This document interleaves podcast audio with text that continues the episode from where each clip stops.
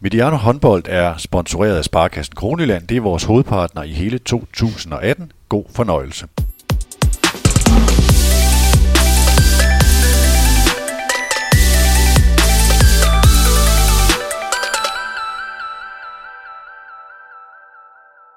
Du lytter til Mediano håndbold. Mit navn er Peter Brygman. Jeg har fået lov at låne Emil og Jakobs kanal. Vi skal nemlig i dag tale om trænerrollen på tværs af idrætsgrene. Det skal vi gøre i selskab med to trænere, jeg altid har fundet interessante, både som træner og personer, så jeg, jeg glæder mig i hvert fald meget. Det er Erik Veje Rasmussen. Velkommen i Mediano, Erik. Tak. Og så er det Allan Kuhn, fodboldtræner og en kendt stemmer over i Medianos fodbolddepartement. Velkommen også til dig, Allan. Mange tak. Vi sidder her hos Aarhus håndbold i Sears øh, Arena. Det er på din hjemmebane, Erik. Jeg kan i den forbindelse nævne, at øh, Mediano håndbold findes i kraft af samarbejde med Sparkassen Kronjylland, som også er sponsor her i Aarhus håndbold. Så på den måde er enderne bundet sammen. Derfor bruger vi også hashtagget på vej øh, til alt om Mediano håndbold.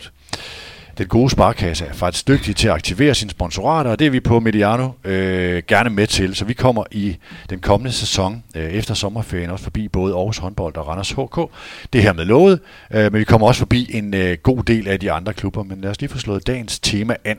Det handler om, hvad man kan lære af hinanden, og hvordan man finder inspiration på tværs af idrætsgrene. Lad os først prøve at kigge fra... Øh, fra håndbold over mod fodbold, Erik. Øh, når du sådan kigger over på fodbolden, hvad ser du så? Jamen altså, det er i forhold til håndbold, som er meget planlagt og meget uh, taktisk spil med mange breaks, og hvor man kan aftale, hvad man spiller, så er fodbold jo sådan lidt mere ishockeyagtigt, ikke? At det, at det er et kæmpe flow, og der er fuld gang i den hele tiden. Altså, jeg vil sige, at det, det er egentlig misundelig samtidig over, at, at de kan holde det her speed og flow hele tiden. Er du misundelig? Jeg er misundelig på den måde, jeg synes, at øh, håndbolden, altså en af de negative ting med håndbolden, det er, at der er for mange breaks, der er for mange pauser. Så man starter et angrebsmønster hver gang, og det er skematiseret på den måde? Ja, præcis. Ikke? Ja. Til gengæld så er vi så inde i strafbarfeltet hele, hele tiden. Ikke? Øh, ja, ja. Og der må fodbolden nøjes med dødboldsituationerne. Ikke? Hvad når du kigger på fodbolden som industri? Den er jo sådan åbenlyst større end håndbolden. Øh, hvad, hvad tænker du så? Er du også misundelig der? Jamen, jeg synes, at det er en fantastisk industri. Nu er jeg med jævne mellemrum, så er jeg jo i England og se en fodboldkamp, ikke? og det er, jeg synes, det er helt fantastisk. Altså, jeg elsker den kultur, og jeg synes, det er... Så kan man jo lide at lade være, at der sidder nogle, nogle få pengestærke mennesker i dag og styrer fodboldklubberne, men til gengæld er det et godt show. Allan, når du sådan... Øh, jeg ved, du er forholdsvis håndboldinteresseret og følger, følger, følger godt med. Når du sådan kigger over på håndbolden, hvad ser du så? Jamen, jeg ser jo et spil, hvor, hvor det er meget sat op i forvejen jeg ser et spil, hvor målmanden har stor betydelse for, på resultatet. Jeg ser et, øh, et spil, hvor, hvor dommeren er, kan være meget, meget involveret i, øh, i kampens resultat i forhold til, om man dømmer angrebsfejl eller man dømmer straffe. Det, øh, det, det er meget op til dommerne. Mm. De har så mange situationer, de, de, de skal dømme hele tiden. Så ser jeg et spil, jeg elsker at se, hvor der bliver lavet mange mål. Jeg kan godt lide at se det live, og jeg kan godt lide at se det på tv også. Så for mig er det en øh, fascinerende sport, som, øh, som altid har været nummer to i Danmark, synes jeg, efter fodbold. Det har altid været øh, vild med håndbold. Vi skal også lige have med øh, her, inden vi gik i gang med at optage, Erik, der fortalte du, at du havde været til din første ishockeykamp i, øh, i boksen i Herning her under VM. Øh, hvordan var det? Jeg tager mit hjerte fuldstændig til ishockey. Jeg synes, det er en fantastisk sport. Altså, øh, flowet, i, altså helt, der er helt sådan en gang i den, ikke? Også udskiftningerne, at, man, at, det, at det foregår sådan virkelig i høj speed, ikke? Så det der med, at der åbner sig helt sin nye struktur, Altså man sidder på en, ser på en eller anden struktur, hvor det indeholder kontrol, og lige pludselig ændrer det hele sig i løbet af et splitsekund. Jeg synes, det var en fantastisk sport. Sidder I begge to, øh, når I kigger på, også jer på andre idrætsgrene, altså selvfølgelig på jeres egen, og kigger på det, man kan gøre i trænerrollen? Altså netop, vi taler meget mønstre. Øh, og Helt vildt meget. Altså, ja. det, der er jo enormt misundelig på håndbold, men også meget krævende at være træner øh, i håndbold. Der er jo alle de breaks, øh, timeout, hvor, hvor man hele tiden skal være på plads. Enten er den eneste træner, der gør det, eller den anden træner, der gør det. Og der skal man hele tiden, tv står med kameraet direkte ind, at man skal virkelig tænke sig om, hvad, hvad man siger, og man får det budskab ud, man gerne vil. Mm. Og man har også lagt mærke til, at en del af trænerne har jo lagt ud til en del af spillerne. Øh, anføreren for eksempel får lov til at sige noget cheftræneren siger måske noget om det offensive spil, assistenttræneren siger noget om det, om det, om det defensive spil, men også også ind- og udskiftning hele tiden, de skal, det kan de jo gøre, de kan jo påvirke kampen på en helt anden måde, end man kan som fodboldtræner. Vi har jo egentlig kun pausen imellem første og anden halvleg, hvor, hvor vi egentlig kan gøre noget taktisk, øh, og få nogle informationer ned, og så mm. lave noget i de 10-12 minutter, vi har dernede. Der har håndboldtræner en meget større mulighed for, for at påvirke øh, resultatet, men også, det er også meget, meget hårdt, du skal være på, konstant og hele tiden. Du har publikum enormt tæt på, Og du er aldrig afhængig af vejret. Det synes jeg også er meget vi, skal, vi skal ned i nogle af de her delelementer, som, øh, som timeout og øh, udskiftning og så videre, ja. det man kan her. Jeg kan godt lige tænke mig at spørge dig, nu, nu, nu, nu optager vi her... Øh, jeg tror det er den 31. maj i dag, og det er øh, to uger før øh, VM går i gang, VM i fodbold. Øh, følger du med i sådan noget som VM i fodbold? Ja, for pokker. Hvor meget? Jamen altså, jeg elsker at se de der VM-kampe, ikke? Altså, øh, der er ikke ret mange sådan fodboldkampe, jeg får set ellers øh, sådan helt. Øh, men VM, det er jo en kæmpe fest, ikke? Og nu er Danmark med, det er jo endnu federe, mm. Sådan øh, slutrunder, øh, det kan jeg forstå, Allan, det er også noget, du, du, du, du, du følger meget med i, altså hvad, hvad på håndbold taler jeg om her. Ikke? Hvad hæfter du dig egentlig ved? Nye, nye tendenser, nye øh, trender, øh, mangfoldigheden i fodbold. Øh, man det hold, der har dårligt Eller, spillere? Nej, nej, nu spurgte jeg på håndbold. Nå, undskyld. Ja, ja. Jamen, der, der, der hæfter jeg mig enormt meget ved, at, øh, at det er meget struktureret. At man kan se, at det er meget sat op. Mm. Men alligevel er der en vis form for individualisering i, i håndbold også, som jeg godt kan lide. Ikke mindst Erik Weier Rasmussen husker jeg jo tilbage til, da jeg var helt ung. Han var jo, selvom han var holdspiller, var han jo også individuel. Han havde mod til at tage egne beslutninger ind imellem i håndbold. Og det skal man jo også tro. Og det fik man også lov til. Ja, det, det, det ved jeg ikke, om man som... gjorde, men han gjorde det i hvert fald. Og det er noget af det, jeg, altså jeg glæder mig til at komme ned i, i den her samtale. Det er det der med, at også i, noget af det, man ser i timeouten, og, øh, også, og altså spillernes, øh, i en ledelsesterm vil man kalde det selvledelse. Altså den der øh, carte blanche til at tage egne beslutninger, og øh, trænerens uddelegering af det. Øh, men jeg kunne godt tænke mig lige, inden, inden vi kommer derned, eller sådan en, en stab, når du har arbejdet i, øh, i Malmø, eller i OB, eller, eller andre steder, Øh, jeg kan godt på sammenligning men nu sad jeg i går og kiggede på, øh, på Aarhus håndbolds hjemmeside og sådan kiggede, hvad er Eriks stab egentlig? Hvor stor er den? Hvor stor er en stab øh, i sådan en, en, øh, en klub på øverste niveau i Danmark eller Sverige? Der er nok en øh, 10 stykker. Ja. Det vil jeg nok tro. Det er nok et gennemsnit. Nogle har måske 11-12, nogle har 8-9. Tager man, scout, tager man scoutdelen med os, der, der kan jo nogen bruge en 4-5 stykker, og rigtig mange. Øh, men men øh, omkring holdet, så er der rigtig meget lidelse. Det, det, det er jo næsten mere det i dag, end at være en fodboldtræner. Øh, især på, omkring de ledere, man har omkring sig, og få dem til at shine. Øh, ja. Og have en samme forståelse for resultatet som dig. Det er jo næsten det vigtigste. Nå, for jeg tænker, altså, hvor, hvor går grænsen mellem, hvornår man, det har du garanteret også prøvet, altså, hvor tiden var, så man, led, altså, man ledte et hold, og nu leder man en stab, der leder et hold. Ja. Altså du er leder for andre, hvor du, tidligere var du leder for spillere. Er der et skæld der? Ja, helt klart. Det, det, for mig gælder det jo om at, at få uddelegeret øh, magten, kan man sige. At, øh, at folk inden for deres kompetencer øh, får noget plads og noget rum til at bevise, øh, at det de kan. Det største en leder kan, det er jo få andre medarbejdere til at shine. Det er jo, det er jo min filosofi. Jeg tror på det bedste i mennesket, indtil andet er modbevist.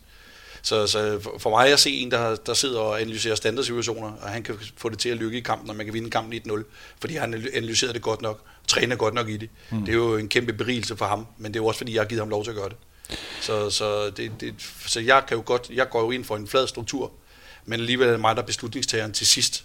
Det, det, det er jo sådan lidt modsigende, men mm. i, i hvert fald i visse termer. Der, jeg kan godt lide input, jeg kan godt lide feedback, men den endelige beslutning, den, den tager jeg for eksempel at holde udtalelser og sådan nogle ting der. Det, ja, ja. det vil jeg gerne have, at jeg selv er, det endelige ord. har det sidste ord på. Ja. Ja, ja. ja. Sådan håndboldtræner værvet i, i, i forhold til den her øh, opbygning af, eller det er en udvikling af sportens verden. Hvor, hvor er håndboldtrænerrollen? Leder du et hold, eller leder du, leder du en stab? Nej, det er et hold. Okay. Altså, vi sidder meget tæt på, ikke? Og vi er, der er mig som en assistenttræner, så har jeg en fysisk træner. Ja. Og det er sådan det. Øh, jeg vil også sige, i, i håndbold, der er selvfølgelig nogle spidskompetencer, som skal i spil, ikke? altså i relation til, til den fysiske træning osv., men der er jo ikke tvivl om, at, at øh, det, der foregår inde på brættet, det er jo sådan meget, meget, meget øh, integreret i hinanden. Altså det vil sige, det at træffe beslutninger ud for noget som helst andet end, end, end den samlede succes, det vil være tungt, hvis det var sådan, man, hvis det var sådan, man kunne uddelegere de der beslutninger. Så den er lidt ja. skidt, den her. ikke? Nej, mikrofonen er fin. Okay. Det er, det er Allens, der skal lidt tættere på. Så øh, jeg, jeg er meget glad. Øh, jeg skal lige høre, øh, fordi det der, altså jeg kan godt sammenligne det med, øh, nu har jeg hæftet mig meget ved det, da Midtjylland blev mester her, og har, har talt med nogle af dem i deres staber. Der, der var der en klar opdeling. Jes Thor var cheftræner, så var der Lars Knudsen, der tog sig af det offensive spil, og så var der Christian Bak, der tog sig af det defensive, så var der øh, Mads Butgereit, jeg tror, jeg har den rigtige den her gang, stod for standarderne. Og det var sådan, og så, og så er der selvfølgelig den fysiske stab og alle mulige andre. De har også mentaltrænere, og de har BS, og de har målmandstrænere, ja. som, øh, som, som, som, som skifter nu. Ikke? Øh, nå, men der var i hvert fald sådan nogle klare kompetencer, øh, sådan nogle, nogle, nogle ressortområder, kan man næsten sige, som, øh, som de havde hver især. Jamen, det har vi faktisk i Aarhus håndbold i øjeblikket. Fordi I det? Vi, vi har fundet ud af, at vi har behov for et offensivt forsvar, og der ja, ja. er øh, Simon, som er min assistenttræner, han øh, er knivskarp til offensivt forsvar og spillede det fantastisk med Skive for nogle år siden, altså var cheftræner deroppe. Så øh, det blander jeg mig fuldstændig udenom. Det er Simon, der justerer det. Og det kan man øh, godt. Jamen altså frem for alt er det vigtigt, at der ikke står to og, og, ja, ja. og, og siger, at du skulle gå frem, og så siger den anden, ah, du skulle lige have ventet lidt længere her. Ikke? Så, så for klarhedens skyld og for spillernes skyld, så, øh, og for helhedens skyld, så er det ham, der styrer det. Øh. Men når man har så mange idéer om spillet, som du har, og det, det, det, det kunne jeg forestille mig, at du, øh, du er den, der at det hele tiden kører med idéer, hvad kunne vi gøre, og sådan, øh, kan man godt uddelegere den og slippe den og sige, Ja, fuld, fuldstændig, fordi altså netop det der forsvarsspil i håndbold, det er, det er så finfølende et system, at hvis der er en, der gør noget, der er en lille smule anderledes end det, han skulle gøre, så falder helt lortet. Ikke? Ja, ja. Så, så, så, på det, jamen, så, så på den måde skal det jo altså, der er ikke, der er ikke plads til kreativitet, altså at en eller anden foretager sig noget, fordi han i nuet øh, synes, det var den bedste idé. Og det er jo også det grundlæggende problem, når man skal, når man, eller en udfordring, når man skal, når man skal undervise spillere i, i forsvarsspil. Ikke? Øh, det, der udenbart føles intuitivt rigtigt i den enkelte situation, er ikke nødvendigvis det, du skal gøre. Fordi der er en helhed. Og, altså, ofte vil en spiller jo, hvis han er bange for at blive taget i røven af modstander, ikke, så mm. vil han gå længere frem, end han skulle, og det kunne også være fint nok, så stopper han ham. Til gengæld så åbner man sådan en anden flanke, som så gør, at en anden spiller kan score i stedet for. Så, så det er et meget, meget finfølgende system i forsvaret, og der skal helst ikke være nogen slinger i valsen. Og så kan man jo heller aldrig løbe og træne mod de, øh, man kan kun træne mod de reservespillere, man har i sin egen trup, eller man kan jo aldrig træne mod dem, man egentlig man kommer til at spille imod, så der er jo også nogle individuelle, mm. individuelle ting, som, som man selvfølgelig godt ved i formen, der er jo styrke, styrkeforskel, og der, der er jo mange ting. Den ene er lidt hurtigt på, på benene. Jeg synes, det er enormt spændende, det der offensive for, som man godt se, at nogle gange, når det går galt, jamen, så er der jo bare frit. Så altså, det, det, det er jo inspirerende at se. Det, jeg, jeg kan godt lide det flow, der er i, øh, i, i håndbold, det må, jeg, det må jeg sige. Det der med en stab, kan den blive... Jeg, jeg, jeg kunne forestille mig, som træner vil man altid gerne have flere ressourcer, flere kompetencer rundt om sig. Nej, for så får du også mange flere meninger. Okay, det kan, altså, det kan blive for stort, det er jo egentlig ja, derhen. absolut. Okay. Især den øh, lidelsestil, jeg har. Men hvis, hvis vi nu, når man hører om altså Premier League for eksempel, ikke? hvordan man opbygger scouting-afdelinger, man opbygger dataafdelinger, og man har selvfølgelig en hele den, det fysiske setup er jo næsten et helt hospital i sig selv, i forhold til at skulle levere spilleminutter til førsteholdet. Er det, er, er det, ja. skal. Vi har det også i, altså, jeg ser det vokse rundt omkring i klubberne, og jeg ser den her også ske i Danmark, men i England er det jo ekstremt. Kunne du tænke dig at være Ja, selvfølgelig kunne du godt tænke dig at være træner i Premier League. Det var et dumt spørgsmål, men, men er der nogle altså refleksioner i forhold til den her udvikling? Nej, men det, er, det er, bliver jo mere og mere lidelse, at du øh, stoler på de kompetencer, øh, de, de folk, du ansætter. Du ser jo også de store drenge i dag i fodbold.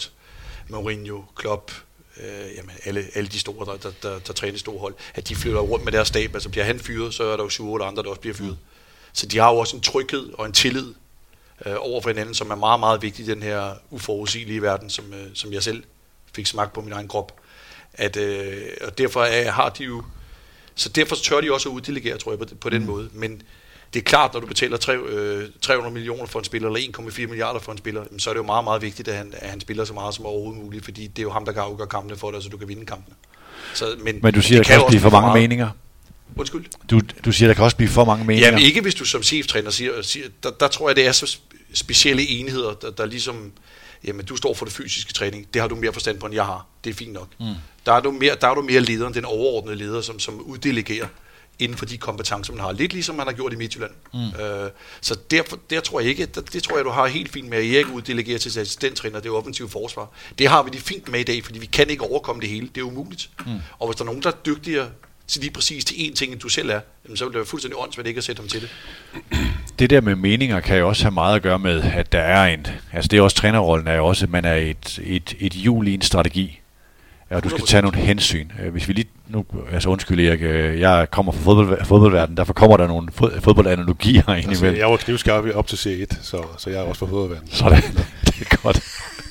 Men nu for eksempel den her med, med Midtjylland, altså de investerer 15 millioner kroner om året i deres akademi.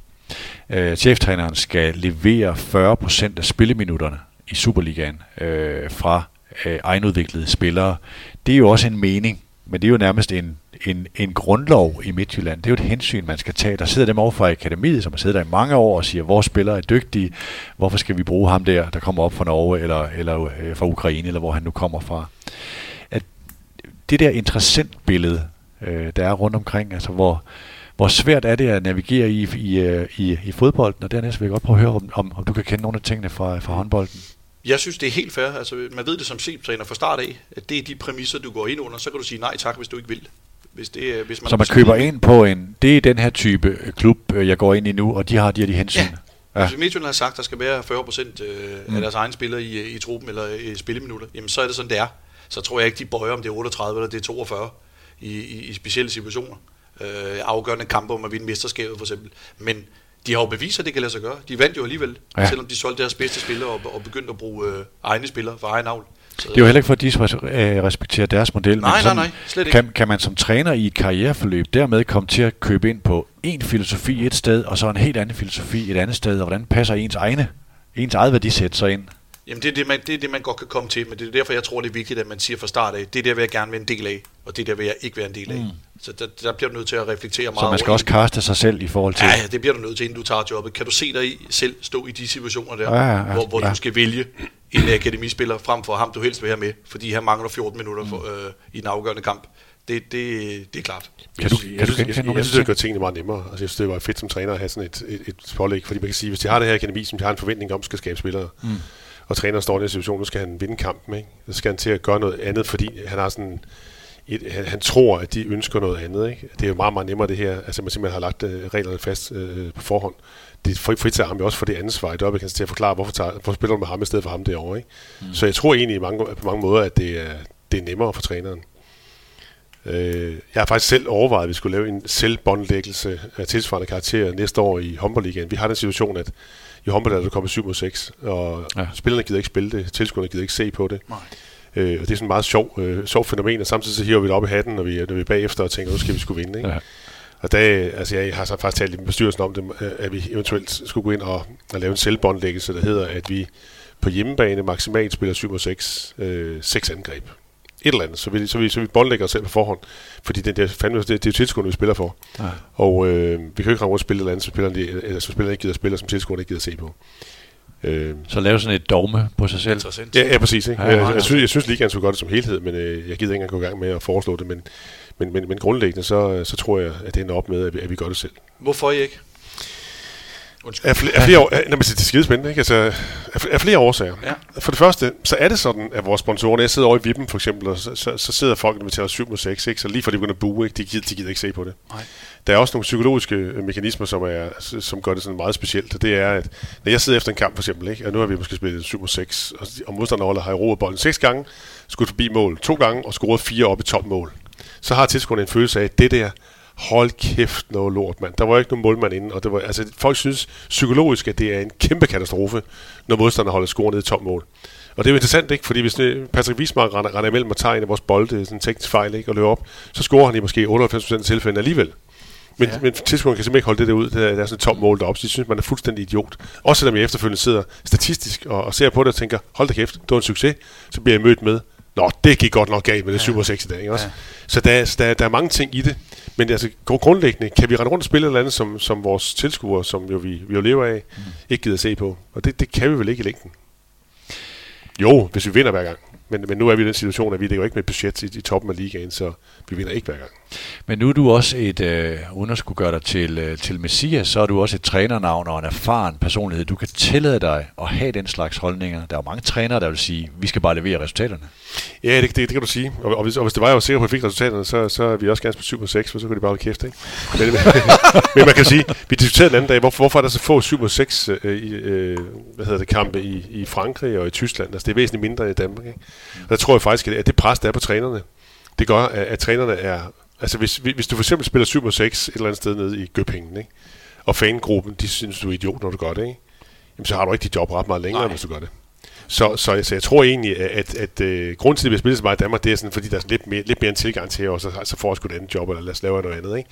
Altså, det, når der er rigtig stor pres på, så tager folk ikke spille det. Og der kan man sige, så presset er større i Danmark i virkeligheden? Nej, jeg tror, det er større i udlandet. Okay, ja, ja, ja. ja, ja, helt klart. Øh, men men, men øh, Jeg tror, at noget andet er så også, at den boldnægelse også fører til noget andet, og det er, at når nu er vi bagud med fire, ikke? Nå, vi, så, så griber vi ned i hatten, og så tager vi 7 mod 6. I virkeligheden havde det måske været bedre at lade være. Ja. Ja, for så løber det helt løbsk. ja, ja. ja, vi, ja, hvis det går galt de næste fem minutter, ikke, så, så løber det helt løbsk. Ja. Men der er også noget med en forståelse af, hvad vi er en del af som industri, altså fankultur, tv-medier og så videre, at vi skal skabe en interesse, og det her er dræbende for interessen. Det er, det er dræbende, og, og jeg synes, vi har et par meget store udfordringer i håndbold. Så jeg var med på et møde op til sæsonen her, øh, hvor der var dommer og spillere og trænere osv. Og, og jeg er jo til fuldstændig nul-tolerance over for trænerne. Det der brok, vi ser i håndbold, jeg synes, det er helt til grin. Altså, hvis, hvis det stod til mig, så første gang man pippede derude, så, røg man, øh, så fik man to minutter, og derefter så røg man op på tilskuerpladserne. Jeg synes, når vi ser nogle af de kampe nu i, i, i Final Four, eller hvad hedder det, i semifinaler og finaler, der er man sådan fået dæmpet det, ikke? Men når du ser nogle af de håndboldkampe her i, i løbet af året, så synes jeg, det er dybt pinligt, at folk står og hylder og skriger og skæver sig. Herudover kommer så 7 6, ikke, som så har sat tempoet gevaldigt ned. Så jeg synes, vi har altså et produkt, som vi skal til at værne om for alvor. Ja. Men, så, men så er der det der opgive, opgive kast, det går så meget hurtigt, ikke? Altså, jo, altså ja. det, ja. jo, jo, altså det, det, det er jo helt vanvittigt. Ja, det, det har været fint for håndbolden, ikke? Altså, man ikke stod, uh, I gamle dage, så kunne man jo stå og fejre et mål i en kvarter, ikke? inden man løb hjem. Ikke? Altså, det kan man så ikke nå nu, vel? Nej, det, giver, det giver dynamikken i spillet. Ja, ja, ja, præcis, det, for det har jeg nemlig tænkt på i forhold til, øh, når jeg ser nogle af de der udlandske kampe. De der topmæver, nogle af de der dommer har. Så tænker jeg nogle gange, skal de, skal de virkelig ikke være i en bedre form, så hurtigt spillet er blevet? øh, nej, men, det, ja. det mener jeg gravalvorligt, fordi i fodbold, der kan jeg jo se, at der er jo en stor udvikling de sidste 30 år, jeg har været med i det her spil. At de er jo totalt fitte. Ja. Altså, de er jo bedre i form, end, end, øh, end spillerne er. Men jeg synes nogle gange, når jeg ser håndbold, så tænker jeg, det er jo da utroligt, hvordan kan han flytte sig lynhurtigt fra baglinjen op til midterlinjen og være banedommer? Øh, det, det, det, det, nogle gange så tænker jeg, og når de giver hurtigt opkast, hvordan kan han nå at vurdere? Det, det, de er selvfølgelig to. Ja, det, ved det, jeg det, godt. Det, det er det, men jeg vil sige, det, det du startede med at åbne med, altså det her med, at det er et problem for håndbolden, at der er så mange tvivlskendelser, eller så mange kendelser, hvor du egentlig kan dømme den ene vej eller den anden vej. Ikke? Det, det er et problem, vi har. Og så, altså, så tilsætter det sådan 24 mand, der står og råber og skriger og hylder skæver sig til dem. Ikke? Ja. Det, det, øh, vi, gør også, vi giver dommerne meget, meget vanskelige betingelser samtidig. Ja, fordi vi har nogle af de bedste dommer herhjemme, har vi ikke det? Sådan generelt, altså vi, vi har jo og været med til VM-finaler og EM-finaler. Og vi har jo en klasse, klassepar herhjemme, ja, har vi. ja. men vi har også nogle, der er lidt unge og nye. Og, ja, ja. Det, som, de skal også igennem de fejl, der skal til. Så, sådan er det. Ja, ja.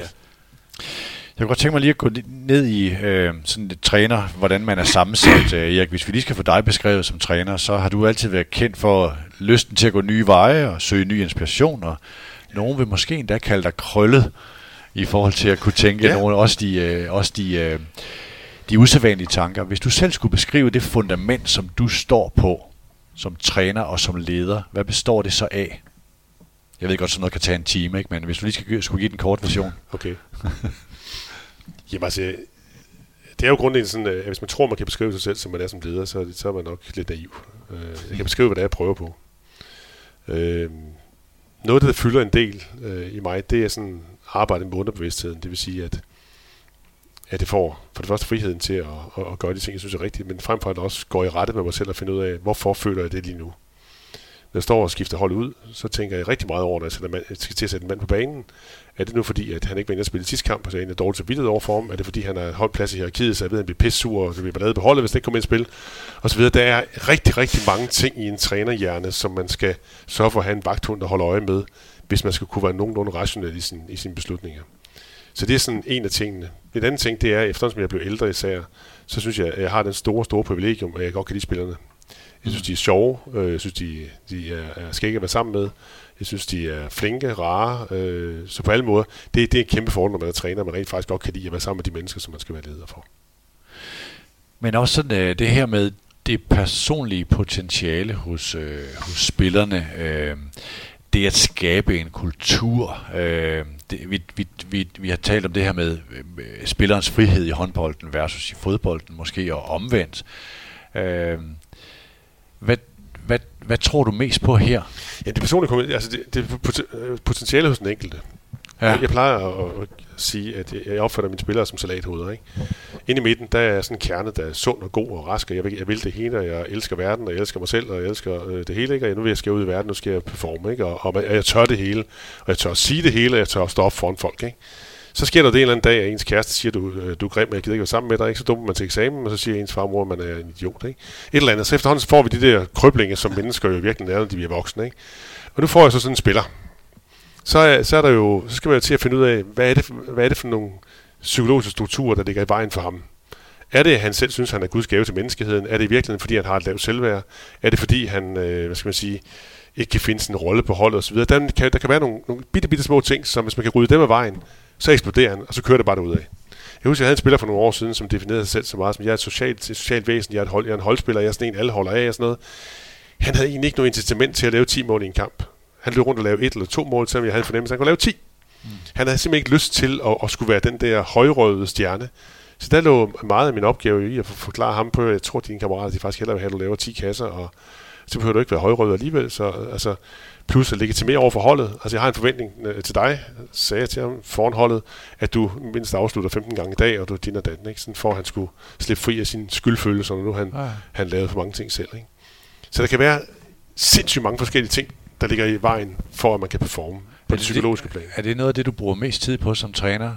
Det er at lære den enkelte at kende og finde ind til de her. Jeg vil, jeg vil ikke sige, at jeg bruger mest tid på det, men, men, men, men, men det er jo, skal man sige, det er jo der, tingene rykker. Altså, vi kan godt øve finder, vi kan godt øve dem eller andre ting, men, men i virkeligheden, så hvis ikke vi kan frigøre, frigøre den enkelte, mm. så kan vi ikke få dem til at performe. Og der er det jo enormt spændende at se. Jeg ved ikke, hvordan det er i fodbold, det kan du så få svare på, men i håndbold ser vi tit, når en spiller skal forlade, forlade en klub, så spiller han guddommeligt. Især hvis han bliver fyret. Ja, så er det bare, fuck jer alle sammen, man. nu skal jeg kraft nok, og så kører man bare derud af. Så har der ikke nogen hensyn. Der er ikke nogen hensyn til en taktik, eller til, hvad, hvad tænker de andre nu og sådan noget. Ikke? Så, er man fri, så er man sat fri. Og det er det, vi rigtig gerne vil, det er, at vi skal, vi kan få nogen, der på den ene side overholder de fælles spilleregler, men samtidig er sat fri. Uden til, at være fyret. uden at være fyret, præcis. Jeg vil godt tænke mig lige, øh, det der med, at du gør det foran holdet, hæfter jeg mig lige ved. Hvor vigtig er den dimension, hvis du, skal, hvis du skal sætte en spiller fri, at du også synliggør? Det er det, vi er to arbejder på lige nu. Jamen det kan jo, i rigtig mange situationer er det jo essentielt. Ja. Fordi hvis det er noget, der, der i forvejen handler om en social omgivelse, og, og om, man, om man tør ting, eller, eller synes, man kan være bekendt ting, ikke? så er det jo nødvendigt, at de andre, hvis man så kan legitimere, at det, det er mig, der kræver det af ham, så behøver han jo ikke tænke over den der med, kan du tillade mig at gøre det? Fordi så nu, nu gør jeg bare, hvad min træner har sagt. Ikke? Så, så no, nogle problemstillinger kan man ikke løse ved det, men, men, men, men der er en del af dem, der, der er det afgørende, at det bliver synliggjort, at det er et krav fra min side. Hvor står du hen her, eller i forhold til, at jamen, det du snakker med den enkelte spiller om, det er noget, der foregår inde bag en dør til en mus-samtale, eller til en... Uh, du, uh, ja, det vil jeg helst have fjernet, de der mus-samtaler, men selvfølgelig skal der være nogle af dem også, ja versus, versus den, øh, den øh, hvad kalder man det, den synlige ledelse, hvor du tager den der samtale med ud i rummet og siger, øh, Mikkel han arbejder faktisk lige nu på de her ting, og, og jeg har bedt ham om at gøre sådan og sådan. Jamen det er helt klart ligesom Erik. Okay. Altså, når, når det er sådan nogle ting der, som, som man ligesom har lavet en aftale om, så skal det ud i rummet, så, fordi der er altså 26 spillere, der, der ikke forstår, hvad der sker lige nu, hvis man ikke fortæller dem det. Ja. Men for meget er det meget individuelt. Nogle spiller, hvis I skal svines til, eller have en, en, et hook, så vil de gerne have det en til en i forhold til deres personlighed. Nogen tænder ved, at du giver den øh, en ordentlig røffel foran alle, foran alle de andre spillere. Er det stadigvæk sådan? Ja. Okay. Det kommer ikke, på, tror du ikke, alle helst vil have den alene, hvis de kunne få den? Jo. Men det betyder ikke, at de skal have den Nej, alene. men det kommer også hvilken, hvilken kultur, hvor man er opdraget. Jeg har haft spillere fra alle mulige øh, kontinenter, mm. og man kan godt mærke en stor forskel på, hvor, hvor man kommer fra. Danskere vil helt klart helst træne en en samtale. Okay. Lang, langt de fleste. Der, der er vi så nøse, og der passer vi på hinanden, og respekt og sådan nogle ting der. Ikke? Så, men altså, jeg har altid haft det sådan, det vigtigste for mig i ledelse, det er jo, at når du vågner om morgenen, som spiller eller som, øh, som leder under dig, så skal du tænke, hold kæft, jeg glæder mig til at komme på arbejde. Mm. Altså, det, det, det, synes jeg næsten er det essentielle for mig, fordi hvis du tænker det, så kan vi at flytte mange ting sammen. Ja. At jeg kommer ud på en arbejdsplads, hvor jeg bare elsker at komme. Hvor jeg kan være mig selv, hvor der er åbent, hvor jeg kan blive en bedre menneske og en bedre fodboldspiller. Men hvor jeg også tør at sige min mening og har nogle holdninger. Det, det, det synes jeg simpelthen er det fedeste. At der er en kultur, hvor vi feedbacker på hinanden. Mest ros, men også lige fortæller hinanden, når det ikke går godt nok. At man kan flytte hinanden en, en dynamik og blive bedre på den måde. Det, det synes jeg næsten er... Ja. Jeg har en lille ting til det. Øh, der er ingen tvivl om, eller de spiller jeg har haft med at gøre, de vil altid helst have, hvis man skal sådan have en over næsen, så vil man helst have den selv. Ikke? Mm. Men det er netop der, hvor sporten adskiller sig, og hvor, det, hvor man tit drager man paralleller mellem en arbejdsplads og så, og så sportens verden. Ikke? Men det er jo det, et sted, hvor det adskiller sig radikalt, det er jo, at i sportens verden er du næsten altid nødt til at give den i forum. Fordi de andre er nødt til at få at vide, at han har nu fået at vide, at det skal han ikke gøre. Så, så vi, er, vi er så tæt sammen, og det er så integreret en enhed. Man lærer det. Ja, ja. og, og der, er, der er ikke noget, der ved det. Det er lige, lige så vigtigt, at de andre hører, han har fået skideballen, som han selv har fået den, ikke? Synes jeg også. På en arbejdsplads, hvis du gør det i forum, ikke? Henrik, nu skal du høre en gang, vi kan ikke acceptere den adfærd, så er hun jo sygemeldt kræftet med de næste fire måneder, man, ikke? Altså, så, så der, der, er mange af de ting, vi laver i sportens verden, som ikke kan bruges i, i uh, erhvervslivet. Og det er jo det, er jo det der high performance team, man ved, man er en del af. Man har lært det, de har jo lært det ret hurtigt på akademierne, at man skal være en del af et hold. Mm. Øh, men man skal også være sig selv. Alle har jo en stor drøm om at komme til udlandet og komme på landsholdet når man er i sådan en fodboldtrup i OB eller i Brøndby eller FC København. Men man skal forstå, at højre bak, han har de ting, han kan. Central midtbanespiller, ham der er bedst uden bold, som er enormt god til at forsvare, når, når, de, når de andre har bolden. Målmanden som redder, topscoren som laver målene. At det, er jo, det er jo derfor, vi har et, et teamsport, det er, vi har valgt at gå til fodbold. Det er jo fordi, at alle de ting, der kommer til at passe sammen, det er en enhed. Og det er derfor, det er så enormt komplekst fodbold. Mm. Der, der er så mange ting, der skal fungere sammen. Jeg tror faktisk godt, jeg vil anfægte den der, Erik, med at man ikke kan gøre det uden, uden for sportens verden. Altså synlig ledelse bør også kunne lade sig gøre i almindelige virksomheder, at jamen, det her udviklingsforløb er i gang, og, ja, hvis, ja, ja, og, hvis, og hvis teamet er godt nok, ja, ja. vil kollegerne også understøtte vedkommende i det. Jo, altså pr- pr- princip, principperne kunne man sagtens, men hvis nu Henriette hun går og taler dårligt om Tine til, til, til Sonja, ikke? så tror jeg altså ikke, den holder. Altså jeg er enig i, at synlig ledelse er, er i princippet øh, er jo altid godt, ikke? Men det er jo også måde, hvordan, måde, hvordan man så siger det, Erik. Ikke? Altså, hvordan, der er jo nogen, der ikke kan tåle altså sådan hugger direkte til, ikke? Så, så, kan man, så kan man pakke det lidt ind, og det er jo det problem, vi nogle gange kommer ind i. Ikke? Altså, jeg har jo tre K'er som i ledelsesfilosofi. Kærlighed, det synes jeg er jo altafgørende. Altså, når man, øh, at man kan mærke, når man kommer ind, der kan vi godt lide. Mm. Du, du er sgu en fed fyr. Og krav, det vil vi alle sammen have i high performance. Altså, du skal gøre sådan og sådan som bak. Jeg vil gerne se dig sådan og sådan som menneske. Og så kommer konsekvensen. Og det er jo nogle gange, der, hvor man slår lidt knude på sig selv i forhold til ens personlighed.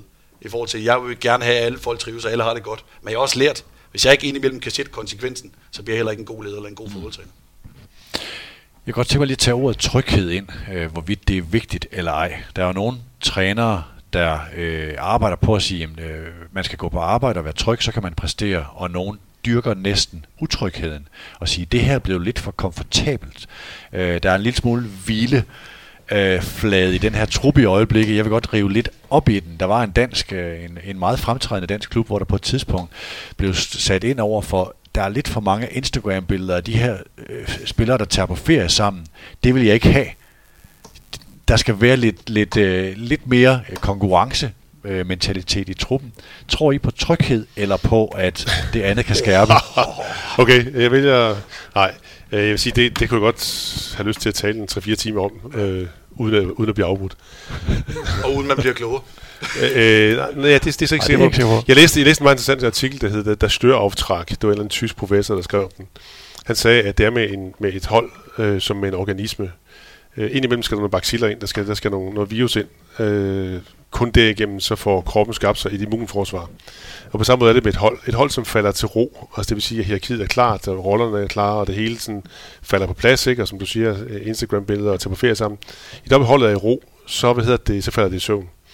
Og det har faktisk været en af mine, det var faktisk årsagen til, at jeg ikke blev tysk mester med Flensborg på det tidspunkt, tror jeg, fordi ja, det er en fejl, jeg har. Hvor du var frem til 2003. Og, ja, det var i fem år. Man, altså, det, men, ja. det, det, det, det, er en, det er en af mine fejl, faktisk. Hvordan, hvordan at, vi spiller en kamp, og vi vinder. Så spiller vi en kamp mere, og vi vinder, og det går skide godt, og det går skide godt, og det går skide godt, ikke? Og, og frem for alt, så kører jeg på harmoni, og vi skal, vi skal kæmpe sammen med alt andet, og det, og det går rigtig fint.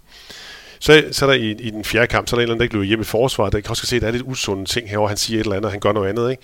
Der kommer sådan nogle tegn på, at, at nu er vi ved at falde i søvn, eller nu bliver vi uansvarlige og så rører man ikke rigtig ved dem, fordi nu går det så godt, at vi hygger os jo og sådan noget, ikke? Og så lige pludselig kommer der sådan en modstanderhold, der rent faktisk vil vinde, og så er vi ikke klar til at tage imod dem. Nej. Så der er ingen tvivl den der, der større optræk, den tror jeg er rigtig. Altså man, man, skal helst, man, man, er nødt til at forstyrre holdet en gang imellem. Så er der en ny mand, der starter inden, en, der ikke kommer for så meget spilletid, et eller andet andet.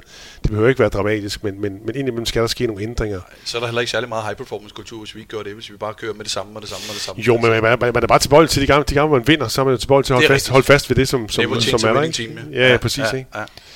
Ja. Øh, men omkring det med trygheden, så, så er der jo, hvis du tager håndboldspillet, ikke, så er det jo en mærkelig, mærkelig, mærkelig sport. Ikke? Hvis du kan få folk til at løbe med mål, inden, inden de modtager bolden, så de er oppe i fart, så behøver du så ikke lære dem, lære dem mere. Øh, der er så meget timing og fornemmelse for hastighed og afstand i, i, i håndboldspillet. Det, der så sker, det er så, hvis, hvis folk er lidt utrygge, så kommer de en lille smule langsomt mod mål. Så skal de lige sikre sig bolden først. Og så falder de fra et eller andet niveau, der hedder 100 til et niveau, der hedder 40. Så, så selv den, den tryghed, som, det, det, den har man brug for. Man har brug for at være tryg i det, man laver.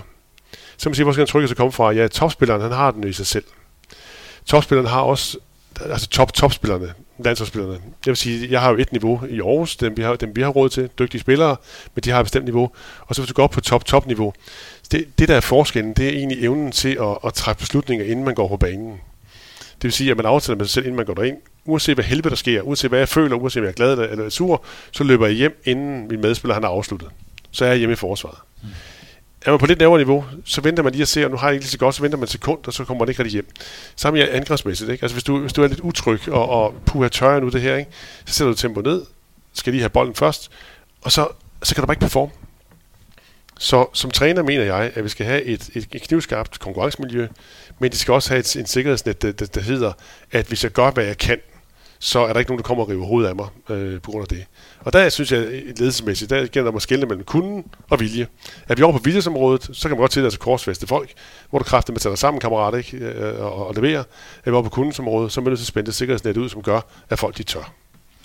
Men det er vel også noget med, når du siger den der med at fejle, øh, at det er tilladelsen til at fejle, eller i nogle tilfælde taler man også om en pligt til at fejle, at, at der i ligger modet. Du taler som konsekvens. Er det ikke også en hårfin balance, det der med at skabe et rum, Nå, hvor man tør gøre de her ting, og man tør være fri? Det er klart. Nu tænker jeg på, hvis en målmand dropper fire kampe i træk, hvis du så ikke bytter ham ud med reservemålmanden, så er der ingen idé i reservemålmanden er det Nej. Altså, hvis, hvis en spiller han går i byen øh, tre, tre gange i træk om torsdagen, inden vi skal spille om søndagen, og vi har givet ham to advarsler de, de to første gange, jamen så er det ud af truppen til den kamp. Det, det, det, det, det er det, jeg mener med konsekvenser. Vi er nødt til at have nogle fælles spilleregler. Spillerne har jo ofte været med til at lave de regler. Det skal man jo ikke glemme. Så de, de kender ja, ja. Der var mange bødekasser rundt omkring i, i forskellige uh, eliteniveauer. Uh, og jeg har altid syntes, det var, det, det, det var en god idé. Det får dem til at skabe en eller anden disciplin selv, uh, som uh, kom til tiden for eksempel. Mm. Altså, ja, det, det, er sådan, det er sådan alle rammerne, ikke? Men så, nu har vi en spiller, som laver for mange tekniske fejl. Ja. Øh, jeg havde i år nogle situationer, hvor vi tager nogle meget vigtige kampe på, på tekniske fejl. Ja. Øh, hvad gør man så? Så prøver man at indskærpe. Prøv lige at høre, øh, Altså, han gør det ikke med vilje for helvede. Nej, det gør han ikke. Så indskærver man. Og så siger han, jamen, jeg så situationen, det var sådan og sådan. Jamen, for helvede, så er du nødt til at sortere lidt i det, ikke? Så er du nødt til at, at, at, at lade være med at tage så store chancer. Han føler jo ikke, at han tog store chancer i den situation der, ikke? Og det vil sige, reelt, så kan man jo så køre rigtig hårdt på, og så risikerer man at miste en, en lang del af hans øh, kompetencer. Eller også kan man vælge at lade det fortsætte, og så tager man sig kampen på en teknisk fejl. Så det er virkelig en hård, fin balance mellem at skærpe opmærksomheden, skærpe ansvarligheden, og samtidig bevare den der lidt lettere tilgang, hvor man kan spille i et flow, uden egentlig at være ved at skræmme til døde. Ikke? Ja, og du risikerer også at tage ham ned på 20 procent. Ja, præcis. præcis. Af, sit, af sin formåen. Ja. Det er jo meget, meget synligt i håndbold, ikke? Hvem, hvem, du giver ligesom, hvem der ligesom, nu skal, nu skal, nu skal det afgøres, mm. okay, så er der to spillere, som, som man ved, nu, nu, nu bliver det dem, der, der skal sætte det her op. Og det er jo også risikoen for, jamen så kan det også blive dem, der bliver skurkene. Mm. Det, det er jo noget andet i fodbold. Det, det, det, det er et helt andet komplekst spil. Her har du ligesom sat et system op.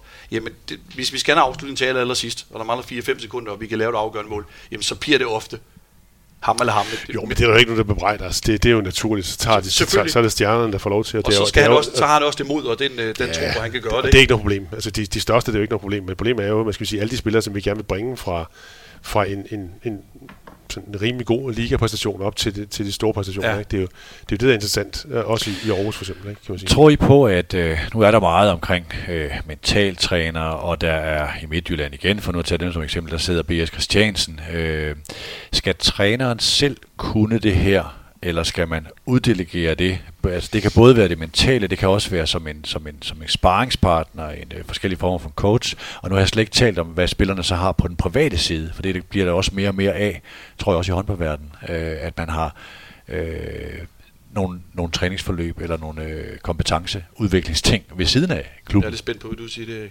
Jamen, jeg vil sige, ja, for mig er det fuldstændig klart. Altså, jeg, jeg, havde jo for nogle år siden, da vi havde råd til det, der havde en, der hed Jakob Frejl, det er ham, som sidder med i Banken Bears øh, på bænken der. Ja Øh, jeg var lykkelig. Jeg synes, det var fantastisk. Altså, både som sparringspartner for mig og, og frem for spillerne.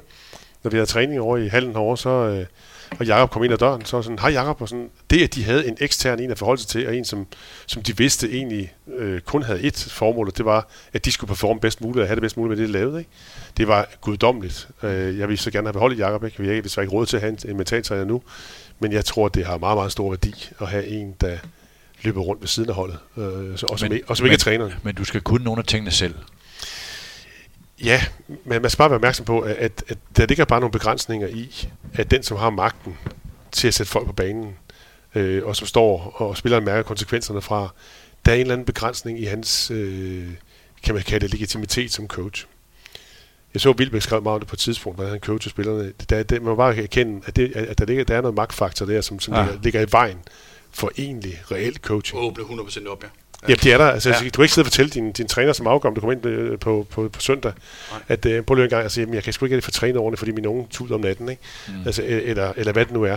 Men, men de mentaltræner, det er også mange af de der strukturer, ikke? Hvad er det, du er bange for, og hvordan kan jeg hjælpe osv. Og, og derfor også som sparringspartner til trænerne, det er fantastisk. Ja, ja, så ja, træneren skal, ja. undskyld, Allan, øh, så, så træneren skal kunne formå at se den enkelte i forhold til den der udvikling, men der skal også helst være det her frirum som en, som en uh, mental træner? Jamen, eller? det er frirum. Det, altså, rigtig meget af det er jo egentlig at lære en teknik. Ja. Altså i virkeligheden så har vi jo inden for sporten to ting. Så sidder vi i flow, så kører tingene automatisk, og så kommer der et break, og så skal vi til at have nogle hjælpetanker. Hvad er det for nogle tanker, jeg skal tænke, for at jeg kan præstere, selvom jeg har det, som jeg har det nu. Og det kræver blandt andet, at jeg er i stand til at erkende, okay, nu har jeg det på hvilken måde.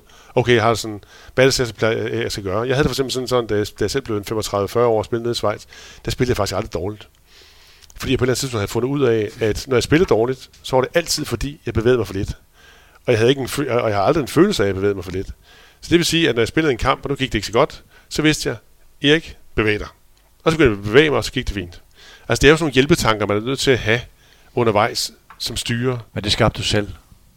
Det skabte du selv. Det var din egen refleksion, der, der gjorde, du fandt frem til det? Jo, jo, jeg var også 35, 37, ja, ja. med, med tusser det på det tidspunkt. Ikke?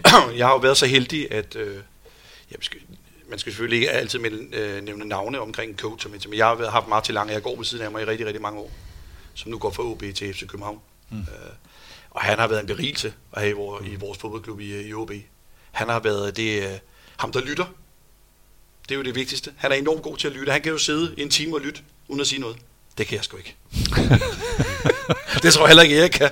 Så, så det der med at sidde og bare åbne sig op, og sidde og få lov til at hælde ud, og han bare sidder og lytter på hans fantastiske måde, stiller de rigtige spørgsmål. De er jo uddannet, de her drenge. Mm. Det skal jo være en del af det der med som træner, at han lige sidder på og kigger på, hvad er det egentlig for nogle bevæggrunde, du har for at reagere i hvilke situationer, og lige rykke lidt på dig som, som, som, øh, som menneske, også som træner. Men der er også nogle paradoxer, ikke? Fordi hvis jeg nu sidder sammen med Torben, ikke? Ja. Nu sidder, holder vi et møde, og så snakker vi om, og Torben, så skal jo bare gøre sådan, sådan, sådan, sådan, sådan, ikke? I næste træning står Torben i forsvaret.